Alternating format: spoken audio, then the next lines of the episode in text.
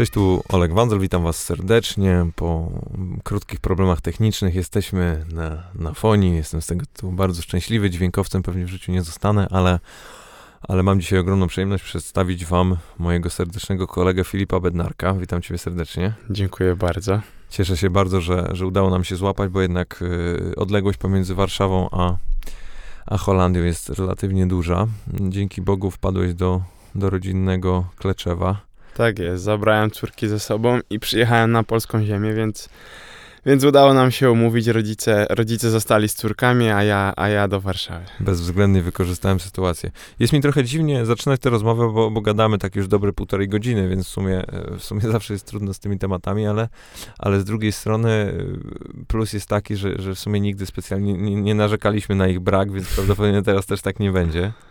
Tak jest. E, ale wiesz co, od czego chciałem, od czego chciałem zacząć, bo, bo jednak e, obaj, obaj mamy, obaj mamy, prze, znaczy ty masz wciąż teraźniejszość, ja już mam przeszłość, ale bramkarską. I, i, gdzieś, I gdzieś też wybraliśmy te drogi. Nie do końca, nie do końca było to specjalnie oczywiste. E, ale, ale też e, ja mam takie wrażenie, że żaden z nas nigdy specjalnie się nie wpisywał w, w stereotyp typowego piłkarza i zastanawiam się, skąd u ciebie, skąd u ciebie się wzięła taka ciekawość świata i to, że w ogóle jesteś, jesteś tak pozytywnie zakręcony na wszelkiego rodzaju rzeczy, które cię otaczają, a nie tylko na piłkę. Ja myślę, że mama zawsze wpajała mi jedną rzecz, że człowiek, który czyta książki, żyje wielokrotnie. Więc, więc to mama myślę, że zapoczątkowała we mnie taką ciekawość życia i, i, i zawsze podsuwała mi jakieś inne tematy niż tylko tematy piłkarskie czy, czy ogólnodostępne, więc, więc zawsze coś innego się, się, się przytoczyło, jeśli chodzi o książki. A poza tym myślę, że, że wczesny wyjazd do Holandii, bo w wieku 15 lat y, powiedzmy poszerzył moje horyzonty i otworzył mnie zupełnie na świat, bo, bo uważam, że to, że to w pewnym sensie uformowało mnie jako Europejczyka, a nie, a nie jako Polaka. No właśnie, bo ty, bo ty już kawał czasu siedzisz w tej Holandii i i mam, I mam wrażenie, że, że to jednak y, twoje życie mogło się potoczyć kompletnie inaczej, nawet jeżeli chodzi już nie, nie stricte sportowo, ale też tak czysto kształtowanie ciebie jako człowieka, gdybyś, gdybyś tam nie pojechał i zastanawiam się, jaka jest taka jakaś, nie wiem, jedna lekcja albo coś, co, co, co ta holenderska społeczność w tobie wpoiła, które faktycznie wywarło na tobie ogromne wrażenie i też ma duży wpływ na twoje życie. Ja myślę, że przede wszystkim to, że, że żyjesz w kraju, w którym praktycznie więcej niż połowa ludzi y, ma w sobie więcej narodowości niż tylko jedna. Bo tak naprawdę Polska 40-milionowym krajem, gdzie, gdzie większość, mm, nie wiem ilu, ile procentowo mieszka Polaków, którzy są w 100% Polakami, a Holandia jednak jest takim kolorowym krajem, więc, więc to na pewno otwiera cię na, na różne kultury. Moja, moja narzeczona jest pół Holenderką, pół, e, pół Brytyjką, więc, więc to też w pewnym sensie E, inne mentalności ludzi i, i, i to, to, to prowadzi do pewnej styczności, że tak jakby masz taki moment aha, że, że, że myślisz, o kurde, ludzie patrzą na, na, na, na pewne sprawy w zupełnie inny sposób niż ja patrzyłem. Więc to, to w pewnym sensie poszerza horyzonta, jak powiedziałem wcześniej, ale też z drugiej strony Holandia y, pokazała mi, że bycie życzliwym, bycie, bycie miłym, bycie pomocnym y, w bardzo pozytywny sposób Y, też istnieje, bo nawet przed chwilą, y, przed, przed chwilą, trzy dni temu wróciłem do Polski i, i mówię do taty, że wylądowałem i od razu widzę te takie niezadowolone twarze. Więc w pewnym sensie to też jest taki jakby, to, to jest coś, na co mamy wpływ osobiście, więc, więc każdy, każdy z nas może podejść do życia pozytywnie i, i patrzeć na wszystko z, z, tej, z tej jasnej strony życia, a nie, a nie zawsze z tej negatywnej, więc, więc yy, szklanka zawsze będzie pół pusta lub pół pełna. To jest, to jest w ogóle ciekawe, bo, bo, bo z kim byś nie rozmawiał tak naprawdę, kto przyjeżdża do, do Polski, to właśnie zawsze zwracają na to uwagę, że z jednej strony my jesteśmy bardzo gościnni, jak już się nas pewnie gdzieś tam bliżej pozna, ale w takim codziennym funkcjonowaniu potrafimy być mocno dystansujący i, i zastanawiam się, czy czy, czy według ciebie jest jakiegoś rodzaju, nie wiem, taki sposób albo jakieś codzienne, codzienne rutyny, które każdy z nas może gdzieś tam wdrożyć, żeby faktycznie troszeczkę się na ten świat bardziej otworzyć, bo nawet, wiesz, taka głupia rzecz jak, jak życzenie komuś miłego dnia dzisiaj nie jest wcale oczywistą rzeczą, szczególnie w jakimś tam większym, większym mieście. Myślę, że taka, taka pewna mentalność, która, która nas otacza, to jest w pewnym sensie rutyna. Jeżeli yy, moja mama i mój tata też tak się zachowywali, to ja też tak się zachowuję jeżeli robisz to w pewnym sensie nieświadomie, bo jeżeli życzę tobie miłego dnia, to życzę tego od serca i, i robię to świadomie, a nie robię tego, żeby, żeby po prostu coś powiedzieć. Więc to w pewnym sensie też wpływa na, na twoje zachowanie i twoje, twoje poczucie, nie wiem, wartości samego siebie. Według, według mnie, mnie to dowartościowuje, jak życzę komuś miłego dnia i widzę tą osobę uśmiechniętą. Więc to jest w pewnym sensie też, też takie spojrzenie na, na świat y, przez inne okulary. A, a wracając na chwilę do, do, tych, e, do tej społeczności piłkarskiej, ty, ty, ty czujesz się jej częścią? E, kiedyś powiedziałem mojemu tacie, siedzieliśmy razem w samochodzie, mówię, tata, ja nie czuję się tak, jeśli chodzi o społeczeństwo, nie czuję się piłkarzem. Ja, ja się tak jakby odrębniam od tego. Znaczy, może to nie jest właściwe, bo tata wtedy na mnie spojrzał, mówi, o czym ty w ogóle gadasz? Chcesz być inny niż, niż reszta piłkarzy? Ja mówię, nie, że chcę być inny. Pewnie pomyślał, o, piłkarz z tatuażami, no to już, no to już pewnie piłkarz, nie? Ale nie, nie, chodzi, chodzi mi bardziej o tą kwestię y, bycia ciekawym życia, że nie jest tylko trening o 13 do domu, obiad, PlayStation, Netflix, Netflix i spanie. No. Wiesz, no mówimy teraz o, o ty, takim, wiesz, no, najbardziej typowym przykładzie, ale no oczywiście nie chcę też mówić, że wszyscy są tacy sami, bo spotkałem bardzo dużo piłkarzy, którzy tacy nie byli. Nawet spotkałem takich, którzy robili meble czy, czy polowali w czasie wolnym. Więc wiesz, jest, jest naprawdę nasze środowisko piłkarskie, stylu piłkarzy jest tak zróżnicowane, że nie, nie wszyscy są tacy sami. Ale, ale z reguły ale wiesz, ale myślę, jeden, że... Jakiś stereotyp tego piłkarza jest. Oczywiście, nie? że tak. I, i, I to zawsze pozostanie bo to jest też coś, co zostało wykreowane przez, no teraz tym bardziej przez media społecznościowe i tak dalej. Każdy widzi, że Instagram, Twittery, Facebook i tak dalej, to w pewnym sensie też odzwierciedla ciebie jako osobę. I według mnie y, to też w pewnym sensie kreuje taką jakby aurę dookoła piłkarzy i, i, i kreuje taki jakby stereotyp. No, ten stereotyp zostaje, bo, bo zostaje kreowany przez media społecznościowe. Jeżeli każdy będzie taki sam, jeżeli y, nie będzie chciał być inny niż reszta, no to, to tak pozostanie. Myślę, że to też w pewnym sensie nie każdy ma y, wystarczająco wysoki poziom inteligencji, żeby też to zrozumieć. I to, i to też nie, to jest normalne, bo w społeczeństwie tak jest. No w sensie, że masz, masz jakiś tam przekrój i niekoniecznie powinniśmy wymagać od wszystkich podobnego podejścia do życia, tak? Oczywiście, że tak. Okay. Ja zawsze mówię, że żyj i daj żyć. No. Więc pod tym względem to jest takie angielskie przysłowie live and let live. I, i, i, i te, tym się kieruję, że to, co dla mnie jest normalne, nie jest dla kogoś innego normalne. Więc, więc pod tym względem to też jest tak jakby polskie, bo oceniamy, że coś, co jest inne niż ja uważam, że jest normalne, nie jest normalne. A to jest po prostu inne, bo ktoś inny sądzi, że jest normalne.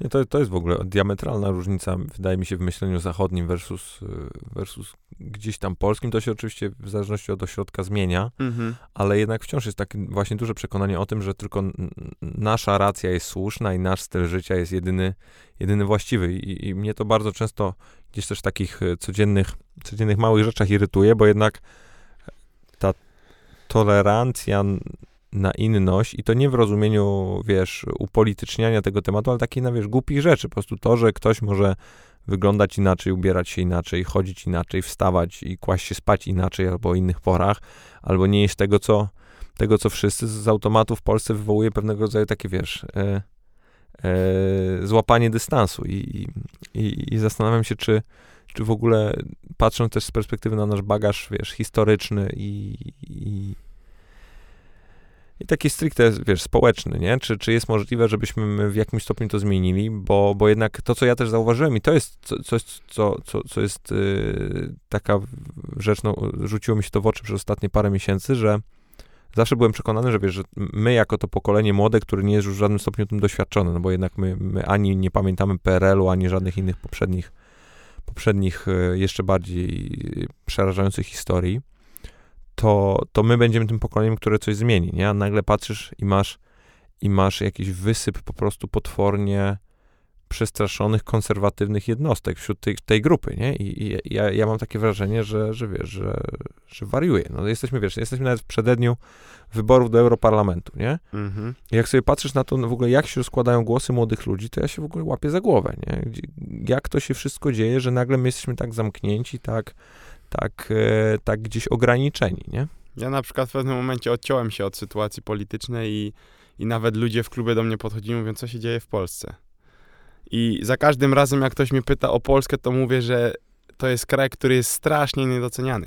Z, tako, z takim potencjałem, z takim florą, fauną. Y, my, my, w Polsce mamy wszystko. W Polsce nawet nie wiedzą, że mamy dostęp do morza, że mamy góry, że można jeździć na nartach. To jest po prostu tak jakby, jakby szare miejsce na mapie, bo y, ogólnie na zachodzie myślą, że Polska jest bardzo daleko, że jest tylko minus 30 zimą i, i lata są bardzo zimne i szare. Ludzie są biedni i przyjeżdżają na zachód Dosłownie, pracować. A nie? ludzie, którzy byli w Polsce, podchodzą i mówią po prostu jedno z najpiękniejszych miejsc, w jakich byłem. Więc to jest w pewnym sensie też taki jakby zabobon y, na zachodzie, gdzie ludzie tylko myślą, że w Polsce y, jest taka bieda, że ludzie muszą wyjeżdżać do pracy, ale ja zawsze mówię, jeżeli w danym kraju żyje, y, na przykład w Holandii, nie wiem, chyba mieszka około miliona Polaków, czy coś takiego, i mówią, że no, że ci Polacy tutaj utrudniają nam życie i tak dalej. Ja mówię, ale okej, okay, ale 40 milionów zostało w Polsce. Myślisz, że lekarze, że adwokaci, że notariusze będą wyjeżdżać za granicę? Więc to w pewnym sensie też jest yy, pewien, pewien poziom intelektualny, który wyjeżdża szukać pracy i wraca znowu do Polski. I nie chcę teraz oczywiście nikomu ujmować, ale chodzi bardziej o, o kwestię tego, że, że yy, źli ludzie zawsze psują renomę, renomę dobre. I, i, I to jest właśnie taka kwestia. No, no to, to szczególnie, szczególnie można się spotkać, wiesz, z, z, różnego rodzaju opiniami na temat tego, jak Polacy gdzieś funkcjonują w ogóle, wiesz, za, za granicą i, i masz e, naprawdę, to jest niesamowite, do jakiego poziomu skrajności mogą te opinie dochodzić, nie? Bo tak. ja na przykład, wiesz, polecisz do Londynu i, i masz część ludzi, którzy mają przekonanie, że Polacy są w ogóle najciężej pracujący ludzie, którzy nigdy nie narzekają, którzy parają się każdej, każdej pracy, są zawsze pierwsi do, do robienia i, i są tacy jeszcze, wiesz, fajni, energetyczni, gościnni, nie? A z kolei jest ta druga, którzy, grupa, którzy mówią, że, że oni to generalnie nic nie chcą, nie chcą się asymilować, nie mówią językiem, dużo piją e, i generalnie są tacy grumpy, nie? Dokładnie tak samo jest w Holandii. No, więc, więc to jest, od tego pewnie nie, nie odejdziemy. Ja się, ja, ja tylko pewnie tak, e, zanim przejdziemy już do tych tematów głównych naszej, naszej rozmowy, to, to chyba bym wszystkim nam życzył, żebyśmy żebyśmy jednak mieli trochę, trochę więcej, yy, żebyśmy potrafili docenić to miejsce, z którego się wywodzimy, czy w którym jesteśmy, bo wiesz, no, żyjesz w Holandii już, już kilka... 11 na. No, kilkanaście lat już. No i wiesz, i widzisz, że to wcale nie jest aż tak duża dysproporcja. Nie? Oczywiście, że nie. To jest, ja właśnie y, to w Polsce admiruję, że, że w naszym kraju jest bardzo duże przywiązanie do tradycji. A na przykład w Holandii, poprzez to, że jest bardzo duży napływ ludzi z zagranicy, nie ma tych tradycji. Tak jakby każda oddzielna y, część kraju, no to na przykład dajmy na to Indonezyjczycy, czy są Surinamczycy, czy, czy Afrykańczycy, wszyscy mają tak jakby kultura w kulturze. A w Polsce jednak jest taka tradycja, jest powiedzmy przywiązanie do kultury. I to, to mi się bardzo podoba. Jest taki na nacjonalizm w pozytywnym tego słowa znaczeniu bardzo. Więc to w pewnym sensie też oddaje urok naszego kraju, że że Polska wywodzi się z bardzo trudnych czasów, gdzie ponad 100 lat nie, kraj nie istniał poza księstwem warszawskim, a, a później tak naprawdę odzyskaliśmy niepodległość i, i, i, i żyjemy i cieszymy się, się naszym krajem, więc myślę, że wszyscy powinni tak jakby yy, powracać do czasów, w, których mieliśmy, w których było bardzo źle i cieszyć się, że, że żyjemy w wolnym kraju. I to jest w, w, oczywiście nie wychodząc poza jakieś filozoficzne tematy i yy, nie brzmiąc jak jakiś gość, który pozjada wszystkie rozumy, ale, ale bardziej powiedzmy cieszyć się życiem i cieszyć się, że, że żyjemy w wolnym kraju i, i, i patrząc, na, patrząc na pozytywy. No, bo to jest właśnie, to jest to, o czym mówię, nie? że jednak jak, jak już pomieszkasz trochę za granicą, to łapiesz tej perspektywy i jednak widzisz, że ten dystans pomiędzy jednym a drugim wcale nie jest tak duży, wręcz jest wiele, jest wiele rzeczy, w których, w których naprawdę A, nie mam się czego wstydzić, B, jesteśmy dużo lepsi, nie? Znaczy lepsi, inni, ale, ale na przykład nam to bardziej pasuje, nie? My po prostu mamy w sobie y, zadziorność w dążeniu do celu. My po prostu nie tyle, co idziemy po trupach, ale, ale jeżeli coś chcemy, to osiągamy i, i, i pracowitość po prostu mamy we krwi, bo, bo, bo nasi pradziadkowie też dążyli do tego, żeby, żeby, żeby walczyć o niepodległy kraj i, i też, też bardzo, bardzo ciężko o to walczyli. I, myślę, że każdy z nas ma w sobie pracowitość i, i to, to bardzo się ceni. Nawet teraz spójrz na, na polskich piłkarzy. Jeżeli jesteśmy takim dobrym produktem eksportowym, bo y, mamy w sobie pracowitość, a pracowitości w pewnym sensie nie da się wykreować w kimś, bo to jest cecha charakteru, to jest, to jest bardzo pozytywna cecha charakteru. I, i, I to bardzo doceniają po prostu zagraniczne kluby, że, że masz w pewnym sensie jakieś wyszkolenie techniczne, które możesz polepszyć, jakieś wyszkolenie taktyczne, które możesz polepszyć. Jakiś tam potencjał, nie? Ale pracowitości w pewnym sensie nie polepszysz. No to jest, to jest cecha charakteru. A ty jak, jak patrzysz na siebie dzisiaj, to, to uważasz, że spełniasz jakiś swój potencjał, czy uważasz, że, że jeszcze, jest, jeszcze nie jesteś w miejscu takim, który jest gdzieś tam tym twoim kapem? E, bo, bo zastanawiam się nawet na, na tym ostatnio, jak, jak gdzieś tam, e, wiesz, obserwowałem twojego różnego rodzaju poczynania e, i, i, i masz takie, wiesz, ups and downs, są momenty lepsze, są momenty trochę gorsze, a gdzieś tam cały czas, cały czas się, się trzymasz tej, tej szeroko pojętej czołówki w klubów w, w Holandii i, i jesteś, nie? I, i, I, ani, ani nie jesteś, ani nie jesteś, wiesz, top of the top, jeżeli chodzi o polskich bramkarzy na tą chwilę, a z drugiej strony też nie wróciłeś do Polski e, z podkulonym ogonem, tylko cały czas i a, i ułożyłeś sobie życie tam i, i, i jesteś gdzieś tam doceniany przez lokalną społeczność. Zastanawiam się, jak, jak ty na, patrzysz w ogóle na, na jakieś swoje dotychczasowe osiągnięcia i gdzie, gdzie ty w ogóle celujesz, bo zdałem sobie sprawę, że w sumie nigdy cię o to nie zapytałem. Wiesz, zawsze to jest takie jakby takie klisze, że że, że widzisz ten obrazek, że sukces i tak dalej, a, a, a potem nie widzisz te, tej ilości, il, ilości pracy, w którą to włożyłeś, więc, więc każdy sukces to w pewnym sensie taka sinusoida. Popatrz na, na mojego brata, gdzie praktycznie przez półtora roku był w szafie, wyjęli go z szafy i rozegrał ponad 20 meczów bez ominięcia jednej minuty. A i więc, był, wiesz, trzecim, drugim albo trzecim najlepszym środkowym obrońcą w tamtym okresie. Dokładnie, więc, więc, więc to też w pewnym sensie yy, nie ocenia książki po okładce, więc w pewnym sensie to, co widzisz, tak jak mówię, media społecznościowe, Twittery, Facebooki, to jest tylko po prostu 0,0001%. To, co się kryje za, za osobą, która, która, która pokazuje się w internecie, to w ogóle nie odzwierciedla tego, jak jest w rzeczywistości, więc, więc to jest też w pewnym sensie y, czas, w którym żyjemy, że że każdy z nas jest oceniony przez to, co ma w mediach społecznościowych, a nie przez to, jaką jest osobą, bo po prostu dostępu nie ma w, w, w tym sensie, że, że, że nikt nie udostępnia, że jest źle. Tak. Więc w pewnym sensie o tym dużo się mówi na przykład y, w obecnym w obecnych y, czasach, że bardzo dużo y, depresji powstaje, że burnouty i tak dalej, i tak dalej. Wszystko przez media społecznościowe. Więc w pewnym sensie to jest fajne, że jest kontakt z ludźmi i tak dalej, że, że możesz wyjść do świata i w pewnym sensie sky's the limit.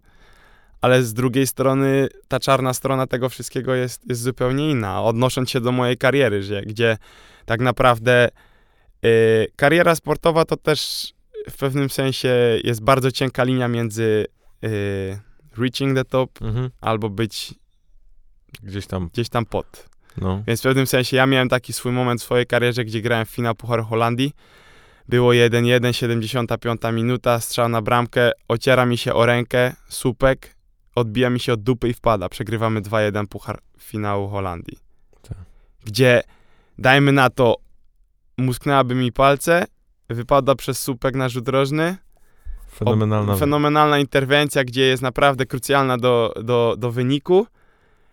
Może karne, obroniłbym karnego, zostałbym, wiesz. Więc from zero to hero jest bardzo krótka droga, więc według mnie to są takie momenty, gdzie, gdzie mogą na przykład zaważyć o karierze, gdzie po, po tym finale tak jakby ktoś szukał, szukał kozła ofiarnego, więc trafiło na mnie, gdzie byłem, wiesz, wszedłem krótko przed pucharem e, do bramki, Niestety, no nie udało się i później zszedłem poziom niżej, poszedłem do The Grafschap, tam rozegrałem e, dwa sezony, praktycznie minuty nie ominąłem. No plus mega, mega byłeś doceniony przez, przez, tamtą, przez tamtą społeczność. To też tak mi, było bardzo dla mnie takie, e, takie gdzieś... E, wiesz, silnie oddziaływujące, jak, jak patrzyłeś na, na to, jak, jak pamiętam, jak się nadżegnałeś z nimi, nie? Że jednak e, bardzo byłeś z nimi związany i to też, i, i tam faktycznie dostałeś to, wydaje mi się, to takie zaufanie i, i poczucie jakiejś pewności, że tutaj są ludzie, którzy w ciebie wierzą. Mi, mi się wydaje, że to jest w ogóle super istotne, szczególnie dla bramkarza, nie? Kiedy, mhm. kiedy nie masz tego cały czas, e, może nie tyle to stresu, co jakiegoś rodzaju, jakiegoś rodzaju ciśnienia, że właśnie jesteś wciąż jeden, jeden slip away od od tego, czy, czy będziesz bronił, czy nie. I, I to nawet jakbyś nie był kozakiem w rozumieniu, wiesz, mentalnym, to, to, to, to, to wiesz, oddziaływuje na ciebie, no non-stop o tym myślisz, tak. nie? To jest, to, jest, to jest taki fenomen, że możemy mówić, że o czymś nie myślimy, ale podświadomość zawsze nam to tam, za, nam to odda, że, że zawsze gdzieś powraca w myślach i tak jak mówisz, byłem bardzo doceniany i, i to myślę, że wynikło z tego, że, że my Polacy yy, potrafimy okazywać emocje pod względem piłkarskim, według mnie. Więc tak jakby yy, zostajesz doceniany, tak jak na przykład teraz mówi się w Legii, że piłkarze powinni grać, którzy zapierdalają. No.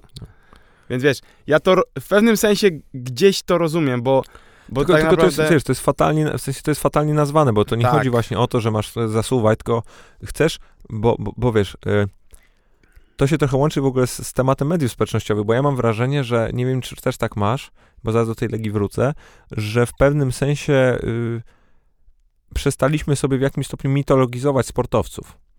Wiesz, kiedyś, jak sobie, jak sobie przypomnisz, wiesz, nie wiem, lata 90. czy po, początek 2000 i popatrz sobie na te wszystkie, wiesz, wybitne kluby, które grały w w tamtejszej lidze, w, w, w ówczesnej lidze mistrzów, czy pucharze mistrzów, czy, e, czy w jakichkolwiek drużynach e, narodowych, to wiesz, to ty nie miałeś pojęcia, kim oni byli na co dzień i ty jak w ogóle, wiesz, zobaczyłeś, jak oni grają, to było jakieś magiczne, nie? Mm-hmm.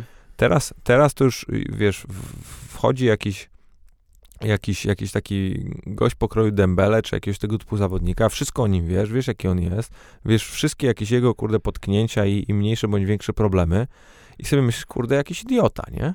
A, a, a cholera wie, czy taki, czy taki, wiesz, przysłowiowy młody, młody Edgar Davids albo inny jakiś zawodnik nie miał takiej historii. Pewnie miał, tylko nikt tego nie widział i, i tylko słyszeliśmy właśnie o tych, wiesz, legendy wielkich atletów, którzy tutaj zdobywali, zdobywali największe trofea. I, i, mi, I mi się trochę wydaje, że to, czego y, szczególnie dzisiaj w Warszawie brakuje, ja zresztą strasznie mnie to, mnie to gdzieś boli jako, wiesz, no, osoby zaangażowanej i, i gdzieś na, na ten stadion chodzącej, ta drużyna nie ma bohaterów ta drużyna nie ma nikogo, kto by cię przyciągnął na stadion, dla, dla którego wiesz, wziąłbyś swojego dzieciaka i powiedział, słuchaj, to jest, to jest ten człowiek, nie? To jest gość, który zapełnia ci stadiony.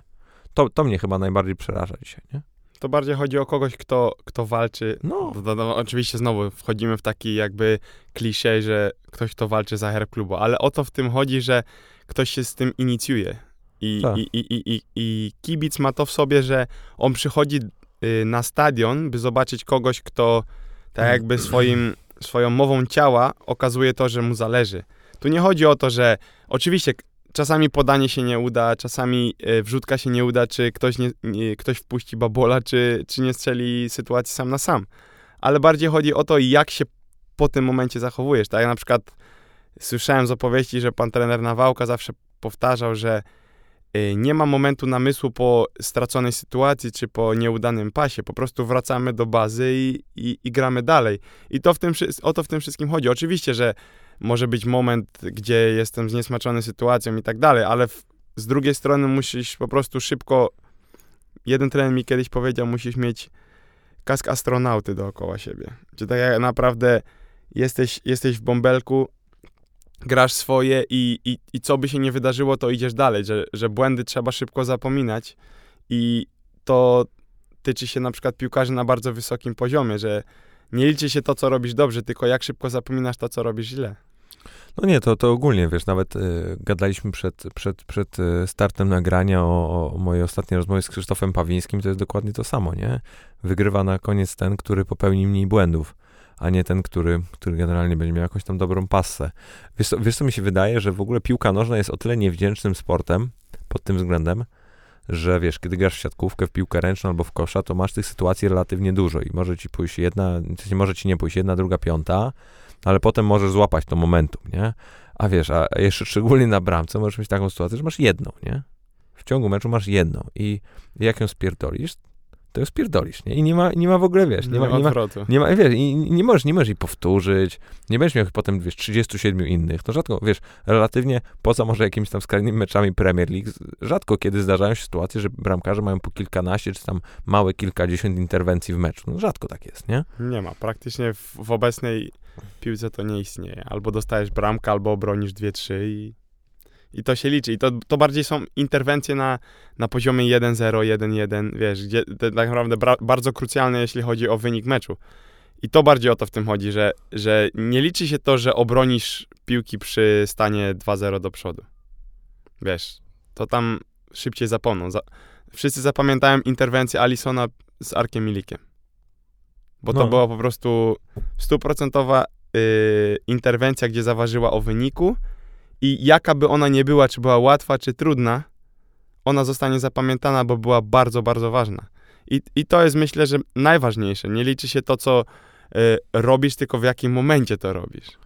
No wiesz, nawet sobie przypomnisz, czy, czy jakąś tam interwencję Dudka w finale Ligi Mistrzów i to, wiesz, ludzie, wiesz, co jest w ogóle ciekawe w kontekście tego meczu, że ludzie relatywnie mało go w ogóle pamiętają, pamiętają te rzuty karne i to tylko wszystko. Dudek Dance. Ale wiesz, stary, jak on bronił w tej drugiej połowie, Oczywiście, ty że wiesz, tak. do gry. Ta dobitka Szewczenko? Nie, ale też oczywiście to nie to- można powiedzieć w ogóle, że on, wiesz, on był perfekcyjnie ustawiony i zareagował, nie? Wiesz, to jest absurdalna sytuacja. wręcz My wiemy, że to był po prostu instynkt, że, po, że on, na, jakbyś go dzisiaj zapytał, jak on to zrobił, to on powiedział, że nie, nie pod, wie. podniósł łokieć, coś gdzieś go trafił, nie? Dokładnie. Ale, ale to też jest jednak, ja dlatego, ja dlatego zawsze y, uwielbiałem patrzeć na młodego Neuera, bo to był koleś, który, wiesz, nigdy w życiu nie zrobił bezsensownego przyruchu i on, on ci był w stanie od, o, y, obronić każdą częścią ciała i to po prostu wiedziałeś, że to jest op- optymalny sposób tego, w jaki sposób możesz się ustawić, nie?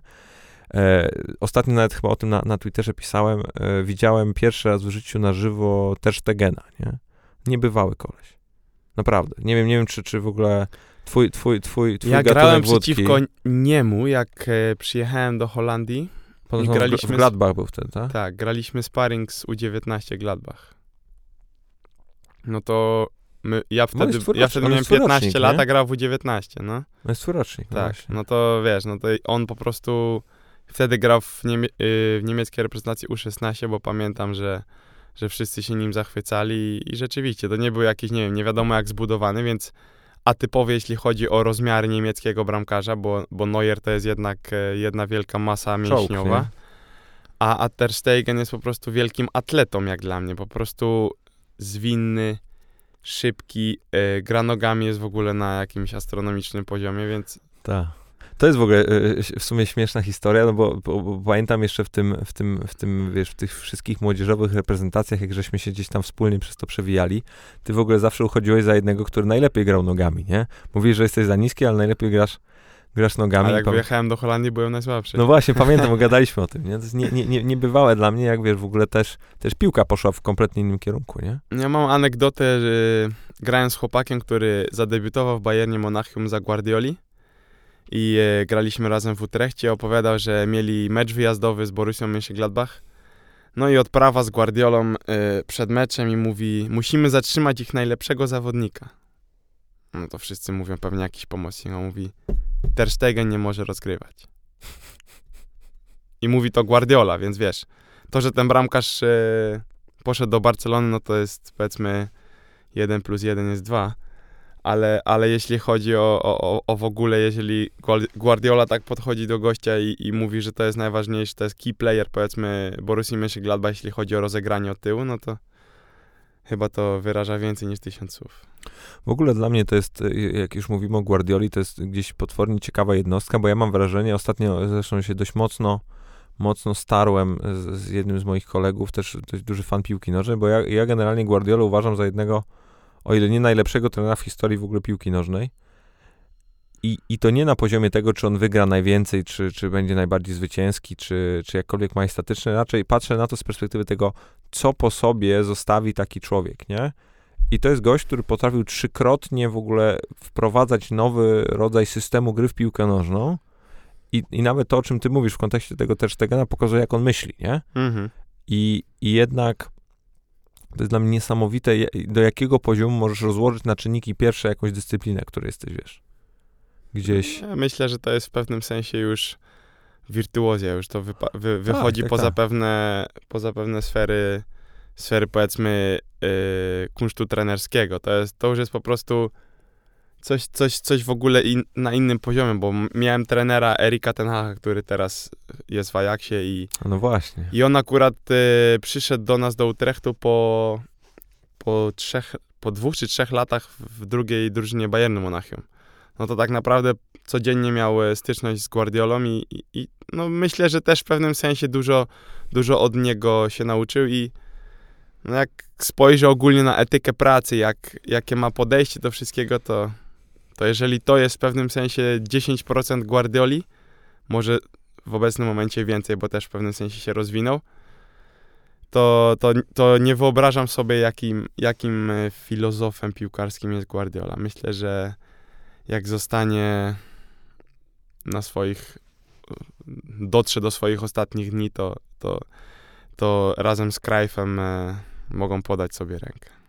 No właśnie, nie? Bo, bo jednak e, rzadko kiedy mówimy o, o osobach, które faktycznie tak bardzo wpłynęły na jakąś swoją, wiesz, dyscyplinę. Gadaliśmy, gadaliśmy do, dość dużo o, o sztuce e, wcześniej i jak sobie pomyślisz, to chyba właśnie zawsze na, na, najbardziej wybitne jednostki byłeś w stanie rozpoznać po tym, że one w jakimś stopniu kwestionowały status quo i to nie w rozumieniu takim, że robiły to przypadkiem, bo takim się wydawało, bo tak czuły, tylko wiedziały dokładnie, jakie są pewne reguły, jakie mhm. są e, jakieś zwyczaje, czy, czy przyjęte, czy przyjęte jakieś mechanizmy i z totalną premedytacją mówiły, nie, ja uważam inaczej, nie? I wychodziło na, na ich stronę. I, I to jest dla mnie gdzieś niesamowite właśnie patrząc na tego, na tego Guardiolę, bo to, co chyba jest w ogóle w tym najbardziej fenomenalne, że on przy tym i tak popełnia błędy i to jest świetne, nie? Oczywiście, że jednak nie wszystkie tezy są są słuszne, nie wszystkie pomysły są dobre i, i, i, bardzo często one finalnie decydują właśnie o tym, czy, czy ktoś y, wygrywa bądź, bądź nie. Nawet w takich, wiesz, w takich rozgrywkach, szczególnie jak w takich rozgrywkach jak, jak Liga Mistrzów, nie? Gdzie, gdzie tak naprawdę jeden, jeden mecz może ci ustawić całość, całość, całość rozgrywek. Ja zawsze mówię, że piłka nożna to też jest gra błędów. Wygrywa ten, kto lepiej obchodzi się z błędami, czyli czy to jest w no, biznesie, no, no, czy to jest... Y czy to jest w piłce nożnej, myślę, że, że pod tym względem te, te, te dwie platformy bardzo się łączą, bo, bo całe życie polega na tym, że, że po prostu musisz wyjmować wnioski z popełnionych błędów i, i na nich się uczyć i dzięki temu będziesz podejmował lepsze decyzje, bo, bo będziesz wiedział, jak zachować się w danej sytuacji. Ja pamiętam, jak, jak jeszcze byłem młodym bramkarzem, to, to zawsze potwornie źle reagowałem na ogólnie tracone bramki, nie? E, a, a sobie teraz tak, tak na to patrzę, to po prostu moje podejście było tak diametralnie złe, w sensie niesłuszne, mhm. E, bo, bo jednak myślisz sobie, wiesz, ktoś ci strzelił bramkę i ty nie powinien się zastanawiać nad tym, czy tam się irytować, że straciłeś tę bramkę i całą swoją energię wkładać w to właśnie, że, że teraz też się odegrać, tylko się zastanowić, dlaczego to się wydarzyło, nie?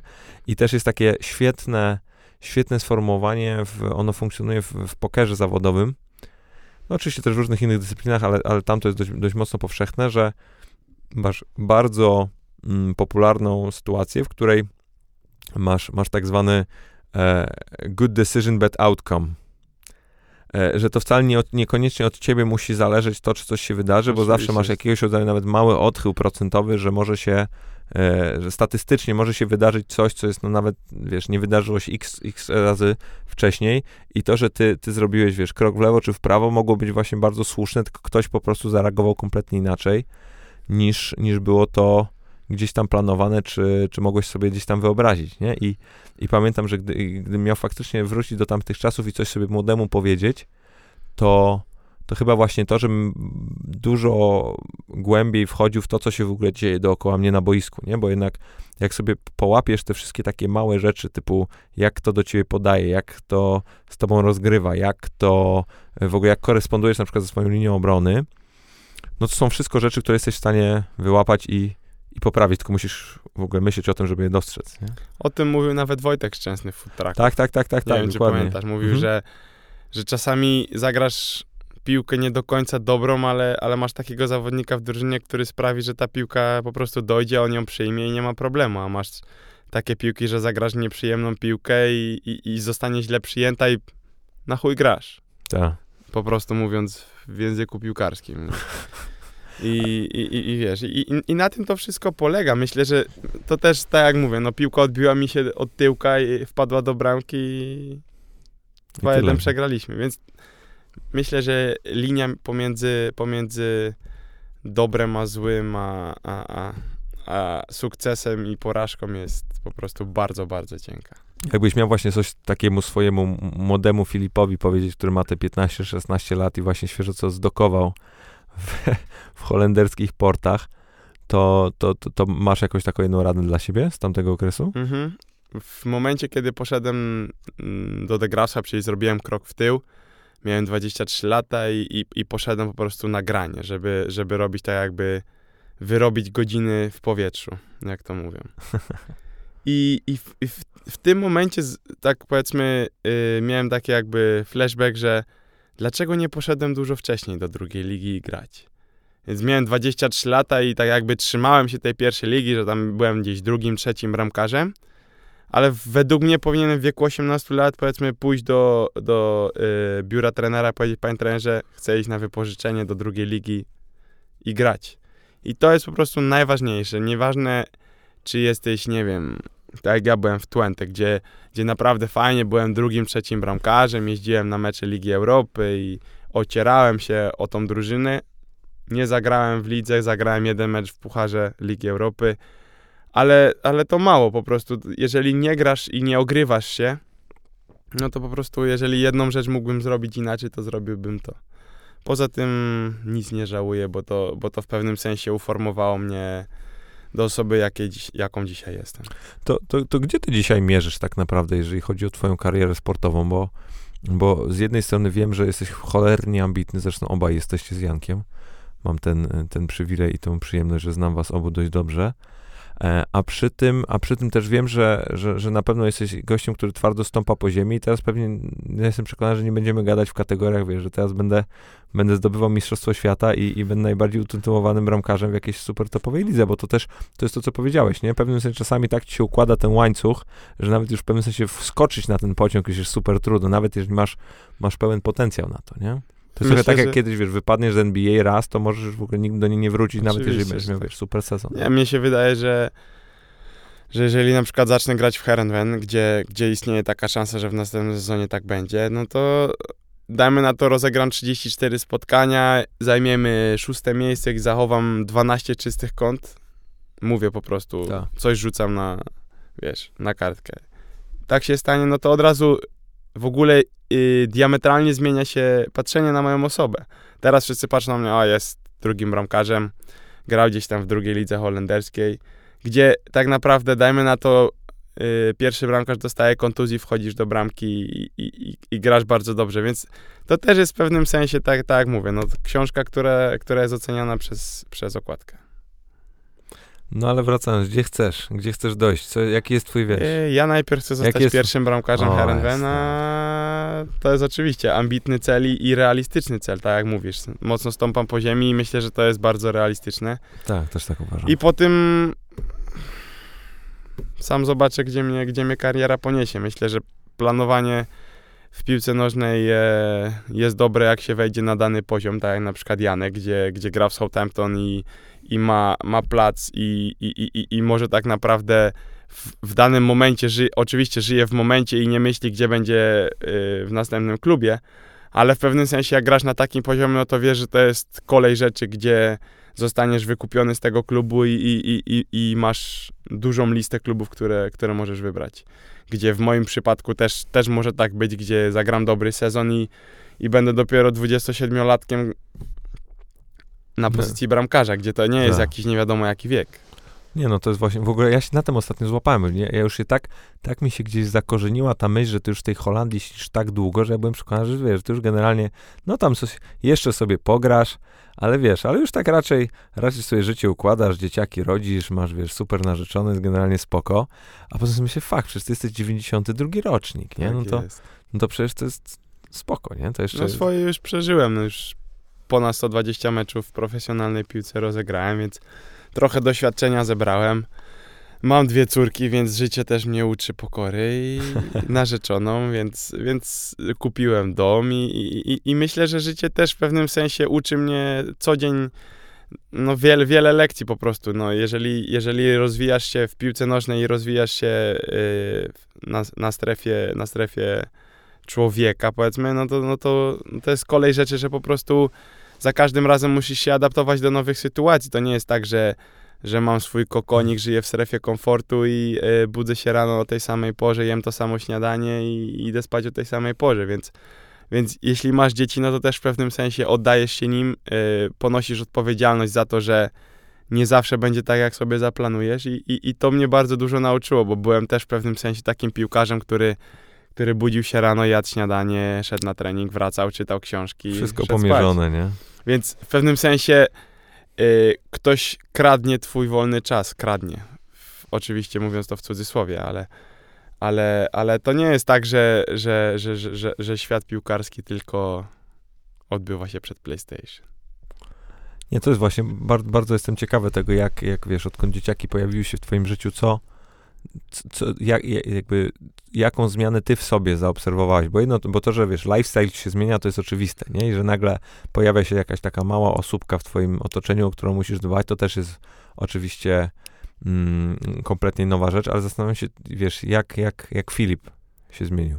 Myślę, że bardzo się zmienił, bo może nie tyle jako, jako osoba, ale moje podejście do życia się zmieniło, bo tak naprawdę nie masz kontroli nad rzeczami, które, które przed posiadaniem dzieci kontrolowałeś, że, że dom jest czysty, że, że ubranie jest czyste, że ugotujesz sobie o, o godzinie, które chcesz ugotować, że, że dziecko się nie popłacze i tak dalej, i tak dalej. Więc myślę, że to są takie, takie rzeczy, które dopiero jak, jak w rzeczywistości y, przeżyjesz, to możesz o nich rozmawiać i, i odczujesz, co ja odczuwam. Więc to w pewnym sensie jest też tak, jak mówili mi, że to najpiękniejszy moment twojego życia, jak dziecko się urodzi. Mówię, no, to na pewno.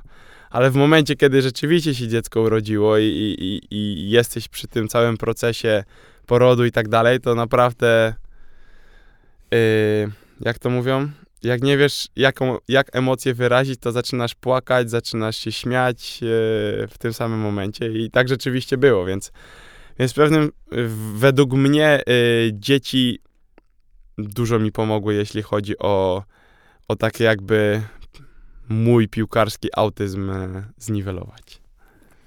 No tak, bo jestem w stanie sobie jednak wyobrazić, że tutaj masz taki, taki wiesz, taką kotwicę, która jednak za, za każdym razem tobie przypomina, że jednak jest to życie i nawet jakby, jakim, byś nie, jakim byś nie był kozakiem, jakbyś nie był sfokusowany na to, co masz do zrobienia na swojej stopie zawodowej, to jednak jest to bardzo ważne, ale jednak ułamek, nie, twojego życia. Nawet jeżeli duży. I uważam, że też w pewnym sensie y, jako mężczyzna ponosisz też pewną odpowiedzialność za rodzinę, więc ja też nie chcę być. Teraz myślę, że to też jest y, zmiana pokoleń. Kiedyś kobiety opiekowały się dziećmi, a mężczyźni y, pracowali i, i, i, i musieli pracować na chleb, a, a w obecnych czasach to się bardzo zmienia, więc myślę, że że nie jest mi obce zmienianie pampersów i tak dalej, więc, więc to jest na pewno fajne, że też na przykład teraz moja, moja narzeczona y, ma ciężki tydzień pracy, ja zabrałem dzieci, przylecieliśmy do Polski. Oczywiście mama mi w tym pomogła, bo myślę, że z dwójką dzieci latać samolotem jest ciężko, ale, ale, ale daję sobie radę i, i, i, to jest też fajne, że, że pod tym względem nawet moja mama zwróciła na to uwagę, że kiedyś jak my się urodziliśmy, no to też ona dużo bardziej się nami zajmowała. Teraz jak patrzy na mojego tatę, jak się z wnuczkami bawi, no to mówi, że, że jest pod wielkim wrażeniem, że to tak fajnie wygląda, więc więc to też myślę, że też jest pewna strefa, strefa zmiany mentalności. Fajne też jest to, bo, bo w ogóle to, to, o tym w sumie też za dużo, za dużo nie gadaliśmy, ale, ale wiesz, ty też masz taką sytuację mocno niepiłkarską, jeżeli chodzi o, o, o twój dom, bo, bo już pomijam aspekt y, rodziców, no, którzy wiesz, wychowali dwóch super super zawodników i akurat jestem bezwzględnie przekonany o tym i za każdym razem z kim bym nie rozmawiał e, w kontekście w ogóle, wiesz, czy Janka, czy, czy ciebie, to zawsze to pamiętam, że akurat wy mieliście me, mega mocne wsparcie z domu, nie? Ale no, masz sytuację, w której ty masz bardzo określoną ścieżkę kariery, jesteś, grasz na wysokim poziomie, a przy tym masz też super utalentowaną narzeczoną i teraz nie, nie przyjdziesz do domu i nagle powiesz, słuchaj, dobra, teraz zostajesz.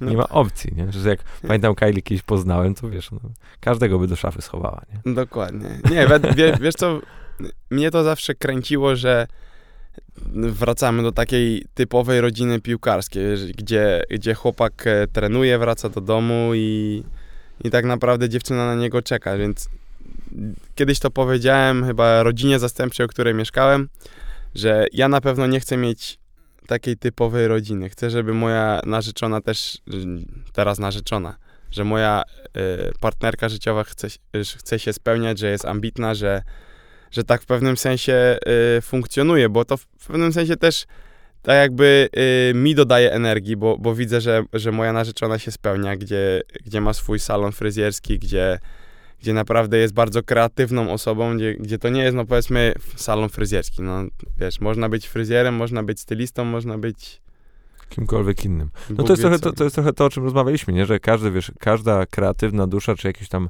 artysta ma, ma swoje medium i dla jednych to jest płótno, dla drugich to jest film, a dla trzecich to mogą być włosy, czy, czy make-up, no zresztą wiesz, popatrz, nawet na, daleko nie trzeba szukać, przekop się przez, przez YouTube'a i zobacz, co w ogóle mogą osoby, wiesz, zajmujące się, się wizażem, czy, czy tak. jakąkolwiek stylizacją, wiesz, wymyślić. To są niebywałe rzeczy, nie? Charakteryzacja, to wszystko to jest, wiesz, czat. No więc dla, dla mnie to też jest w pewnym sensie takie od, y, otworzenie oczu na, na, na zupełnie inną sferę, gdzie, gdzie tak naprawdę w piłce nożnej masz dyscyplinę i, i, i tak jakby oddanie się y, pewnej, pewnej sferze, a u mojej narzeczonej jest w 100% kreatywność. Więc to jest w pewnym sensie też zupełnie inna, inna, inna sfera życia. Nie, naprawdę, naprawdę jestem, jestem pod. Yy, szczęśliwy jestem, fajnie, fajnie, mi się, fajnie mi się ciebie słucha, na, na ciebie patrzę, jak sobie wiesz, przypomnę nasze, nasze różnego rodzaju historie z ostatnich, z ostatnich paru lat. Naprawdę zawsze taki, wiesz, masz, masz ogromne dozy fajnej energii, kiedy widzisz, że twoi kumple generalnie sobie radzą. To jest zajebista rzecz. Nie wiem, czy też tak masz. Bardzo. No nie, ale tak, ale tak ogólnie, tak mówię nawet czysto ludzko, bo, bo mi się wydaje, że w ogóle twoim największym zwycięstwem na tą chwilę to nie, nie jest to, że że, że, że wiesz, że, że, że, gdzieś tam zachodzisz wysoko, jeżeli chodzi o tą swoją jakąś tam mm, sferę ekspertyzy, tylko o to, że y, wytrzymałeś trudniejsze momenty, i dalej, wiesz, kultywujesz y, ten sport, y, rozwijasz swoją pasję, robisz to, co, to, co uwielbiasz, zawsze uwielbiałeś. Przy tym zobaczyłeś też, że tego świata jest trochę więcej, wy, wyciągnąłeś wnioski i możesz śmiało powiedzieć, że, że generalnie jesteś, wiesz, zaangażowaną, zaangażowaną jednostką w społeczeństwie, która rozwija siebie, rozwija swoje jakieś gospodarstwo domowe i to po prostu działa, nie? I, i to wcale nikt nie powiedział, że musisz, musisz być mistrzem świata, super, mega, ultra, wiesz, gościem w jakiejś sferze, możesz po prostu mieć fajne życie i, i potem otworzyć jakiś kolejny rozdział. Mi się wydaje, że to jest w ogóle duży problem wśród ogólnie sportowców hmm. na jakimś tam wysokim poziomie. Myślę, że akurat to pod tym względem jest w Holandii w miarę w miarę dobrze zorganizowane, bo mm, rozmawiałem z moim kumplem Michałem Jąciekiem, z którym też grałem we wszystkich kadrach i oni A. mają swoją platformę, gdzie pomagają piłkarzom i i w Holandii to jest tak zorganizowane, że masz taką jakby związek piłkarzy ogólnie i, i, i każdy z piłkarzy ma piłkarską emeryturę. Gdzie... A tam jest obowiązek wpłacania tak, na jakiś tam tak, savings account, Tak, nie? więc tak naprawdę to też w pewnym sensie za, pomaga ci e, tak jakby po karierze e, przejść w normalny tryb życia. A no to będę słyszałem, że w Polsce są jakieś takie podchody pod to. No miejmy nadzieję, Tego że to zostanie zorganizowane. Projekt. Wiesz, to, to jest coś takiego, że w pewnym sensie y, niektórzy na to patrzą, że zostaje ci zabierana część pensji, ale z drugiej strony to zostanie ci oddane w momencie, kiedy tego w niektórych przypadkach bardzo potrzebujesz. I, i, I myślę, że też świadomość piłkarska w obecnych czasach jest też dużo, dużo wyższa nie tylko jeśli chodzi o jedzenie i tak dalej, e, czy, czy, czy byt piłkarski, ale też jeśli chodzi o pozasportowe, jeśli chodzi o y, zakup mieszkania czy czegokolwiek, więc, więc też masz piłkarzy, którzy, którzy patrzą dalej niż, niż, niż tylko piłka nożna. Wiesz, nawet taka, taka trywialna rzecz, zobacz jak się zmieniło podejście piłkarzy czy ogólnie sportowców do, do gotówki, nie? Kiedyś to potrafiłeś, potrafiłeś wszystko kupować za gotówkę, chodzić z jakąś po prostu ilością, ogromną ilością kasy po kieszeniach, schowkach samochodów i tego typu historiach, a teraz się łapiesz na tym, że to naprawdę nie ma żadnego sensu, nie? Teraz jest wszystko... Nie, literalnie żadnego Wszystko... To, to, to tylko jest tak jakby, no, to no, patrzymy na to, że to są, to są rzeczy rzeczy materialne, czyli na przykład nama, no, namacalność pieniądza, oczywiście poczucie takie męstwa jest pewnie większe, jak masz zapełnione kieszenie, ale czy, czy, jest na karcie, czy w kieszeni, wychodzi na to samo, bo na, na samym końcu to pieniądze są w banku i są, i są tylko cyframi. No, ale wiesz, nawet mówię o tym, że w jakiś, wiesz, jak ludzie, czy, czy, czy piłkarze w szczególności zaczęli podchodzić do różnego rodzaju instrumentów finansowych, nie? Wiesz, kiedyś potrafiłeś pójść i kupić mieszkanie za gotówkę, to dzisiaj się wydaje, wiesz, super absurdalnym pomysłem, szczególnie przy relatywnie Myślę, niskich stopach procentowych, nie? No nie, w ogóle wiesz, to są jakieś, jakieś absurdalne historie, ale a wracając do tej, do tej kwestii emerytury, to wiesz, mi się jednak wydaje, że że dzisiaj y, jednak na szczęście już jest coraz większa świadomość tego, że no jednak twój okres zarabiania pieniędzy jest jednak krótki, nie? E, szczególnie z perspektywy, wiesz, całego życia ludzkiego, no to jeżeli nawet jesteś, jesteś aktywny zawodowo przez 40 czy 50 lat, no bo takie historie już, wiesz, wystarczy, że zaczniesz mając 18, skończysz jak, jak będziesz miał tam 65, 60, 70 lat, no to generalnie pracujesz przez przez, y, przez wiesz, kilka, kilka dekad, nie? No a będąc piłkarzem pracujesz przez co? 20 lat, jak jesteś, y, się super prowadzisz, jeszcze y, daj Boże ominą cię kontuzje i, i generalnie dość dobrze poukładasz sobie życie, nie? A są takie sytuacje, gdzie, gdzie pracujesz dużo krócej, no, a w ogóle jakbyś wziął jeszcze, nie wiem, futbol amerykański, tam przecież średnia długość trwania kariery to jest to 6 sezonów? W zależności od pozycji No jeszcze, oczywiście, to w 6, ogóle, 5, 7, no stary, no to jest, wiesz, No to jest zupełnie... 7, 7 lat życia zarabiasz 90% kasy, która kiedykolwiek do ciebie przyjdzie, nie? Jak nie, nie potrafisz tym zarządzić, to będziesz w takiej dupie, no to jest jakiś, wiesz, Armagedon. Nic nie umiesz. Kończysz karierę, nie umiesz nic, nie? To jest zazwyczaj- zupełnie, zupełnie, zupełnie różne od, od normalnego życia, gdzie na przykład jesteś y, na kierunku prawa, czy jesteś na kierunku e, medycyny, gdzie, gdzie tak naprawdę uczysz się, dojrzewasz, jest, y, twoja il, inte, iloraz inteligencji wzrasta. I w momencie, kiedy już tak naprawdę skończyłeś studia, y, zrobiłeś specjalizację, zaczynasz zarabiać bardzo dobre pieniądze, gdzie w piłce nożnej jesteś gówniarzem, który nie wie, co robić z pieniędzmi, zarabia za, za duże pieniądze na za młody wiek i, i kończy tak naprawdę zarabiać w momencie, kiedy dorasta do, do momentu, gdzie, gdzie wie, jak się obyć z pieniędzmi i tak dalej. Więc, zaczyna rozumieć. więc nie? tak naprawdę świadomość, świadomość piłkarza powinna być no, może nie tyle, co... No nie, nie wszystkim da się to wpoić, bo to, bo to, jest, to jest niemożliwe, wiadomo. Każdy widzi zdjęcia na Instagramie i, i, i- chce być taki jak e, piłkarz Manchesteru United czy, czy Arsenalu. No, wiesz, to też w pewnym sensie e, nie pomaga. No nie, jestem w stanie sobie wyobrazić, że, że, że wiesz, nie, nie pomaga, to jest dość duży understatement. Understatement, tak jest. Słuchaj, tu- turbo zmienię temat, bo w sumie chciałem od tego zacząć i właśnie sobie o tym przy, przypomniałem, ale, ale wierzę, że, że, że, że słuchacze mnie za to nie zlinczują. E, Dobrze widziałem, że ty masz e, Tomasa Shelby'ego wytatuowanego na ręce? tak jest. Jest, właśnie. Tommy fucking Shelby. Dokładnie. Ja tak bardzo czekam na, na ten piąty sezon Peaky Blinders, że to jest niebywałe. To jest chyba jeden z, jeden z lepszych seriali, jaki naprawdę powstał. To jest ja już, ja już dla mnie. dwa razy obejrzałem, raz sam, raz z narzeczoną i, i, i myślę, że jakbym oglą- oglądał go na okrągło, to cały czas mógłbym e, od nowa znajdować nowe, nowe rozdziały tego, tego serialu, ale nie, mi się, mnie się wydaje, że, że, że Thomas Shelby oddaje tak w pewnym sensie w pewnym sensie taki jakiś charakter, który, który mi bardzo imponuje, że nie tyle co, co dążenie do celu potruba, bo on rzeczywiście tak się zachowywał, ale, ale w pewnym sensie też y, taka arogancja może y, brzydko to zabrzmi, bo arogancja nie jest zawsze pozytywna, ale, ale też w pewnym sensie, żeby, żeby, żeby dbać o, o, o, o swój interes. I to jest w pewnym sensie w życiu najważniejsze, że nie obchodzi mnie, jaki jest twój interes, ale ważny jest mój interes.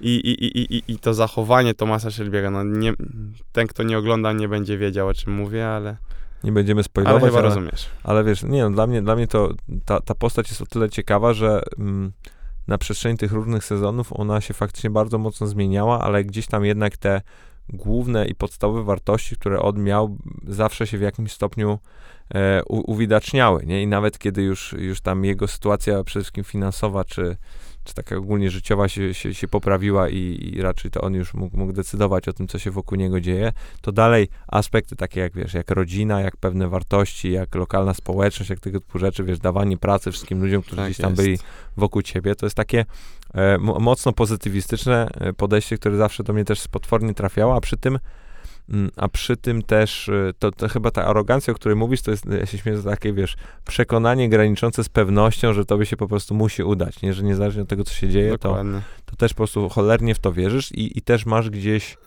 mm, takie takie gdzieś y, taką, taką akceptację tego, że no może się nie powieść i wtedy po prostu biorę ze sobą całe te konsekwencje i to wszystko, co się może wydarzyć, nie? Tak, i to myślę, że to też jest coś tak, takiego, co, co w pewnym sensie znika z naszego otoczenia, gdzie, gdzie taka męskość, jak, jaką preferował Thomas Shelby, nie istnieje pod względem takim, że już powiedzmy podanie sobie ręki nie zobowiązuje.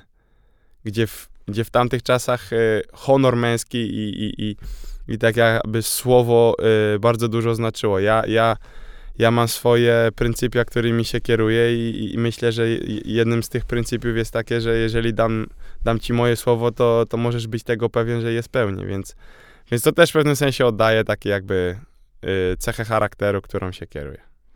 No tak, to jest bardzo nie... No inaczej, może nie będę tak już, już, już teraz generalizował i tutaj siał defetyzmu, no, bo, bo, może nie jest aż tak źle, ale, ale faktycznie y, ludzkie słowo, jakaś tam gwarancja, reputacja, wiesz, takie rzeczy są potwornie się zdewaluowały przez tak. ostatnie, tak. przez ostatnie lata. Wiesz, dzisiaj, dzisiaj możesz powiedzieć, no co tam, że nikt się, nikt się nie zorientuje, a nawet jeśli, no co, co, co mi szkodzi. Nie, nie, mam kontraktu, to co, nie? No, dokładnie, no jakieś w ogóle, wiesz, absurdalne, absurdalne historie. Nie, Potem... myślę, że, myślę, że w obecnych czasach też nawet w piłce nożnej spotkałem się z wieloma takimi rzeczami, że, że niektórzy potrafią y, powiedzieć ci tak jakby polepszające kłamstwo, gdzie, gdzie tak jakby chcą ci sprawić dobre uczucie. A, a ja wolę na przykład coś, co ktoś mi powie naprawdę bolesną prawdę i, i, i parę dni pochodzę i będzie mnie to bolało, ale, ale przejdzie i, i, i tak jakby wykreuje znowu, znowu bliznę, która się, która się zagoi i idziemy dalej i nowe doświadczenia.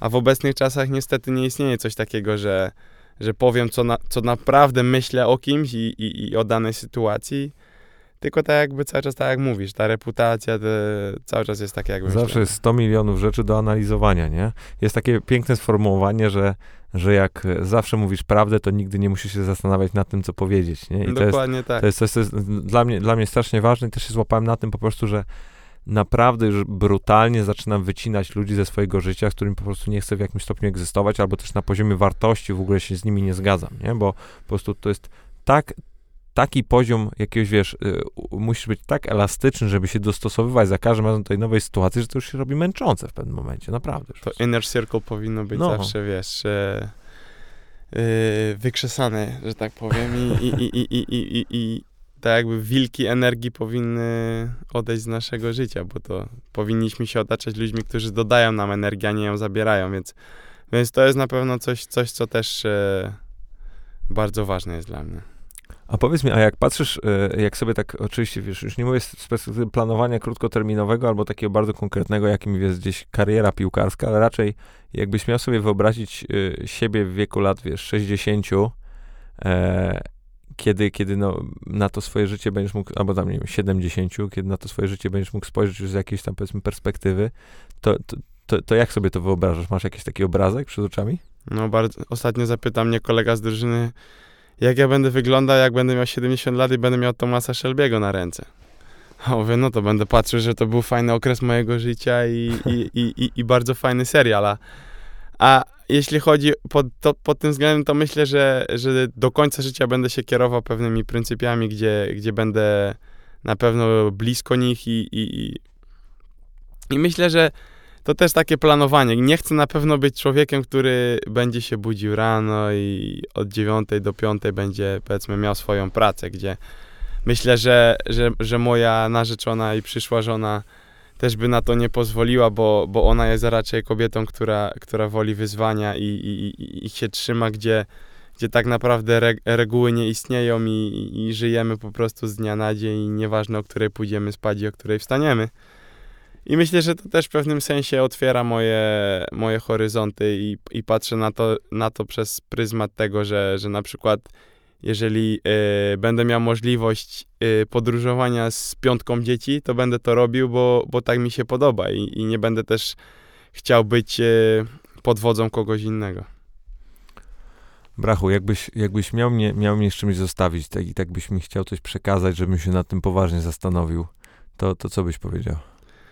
Myślę, że powróciłbym do mojego e, powiedzenia live and let live, gdzie tak naprawdę każdy powinien to sobie na to spojrzeć, powiedzmy, z, z, z, z szerokiej wizji, gdzie, gdzie tak naprawdę cały czas e, ktoś nas gnębi e, sytuacją polityczną i tak dalej, gdzie czasami po prostu odciąć się od tego i Y, nie oceniać ludzi po, po ich wyglądzie, czy, czy ubierają żółte skarpetki, czy czerwone skarpetki, bo to nie jest ważne na samym końcu, gdzie, tak jak mówię, don't judge the book by its cover. Więc to jest, myślę, w życiu najważniejsze, gdzie, gdzie to, co widzimy na zewnątrz, nie zawsze jest tym, co, co skraja się wewnątrz. Słuchaj, dzięki, naprawdę dzięki wielkie. Mega fajnie było pogadać. To ja dziękuję, jestem wielkim fanem podcastu twojego, więc e, wielki zaszczyt tutaj być.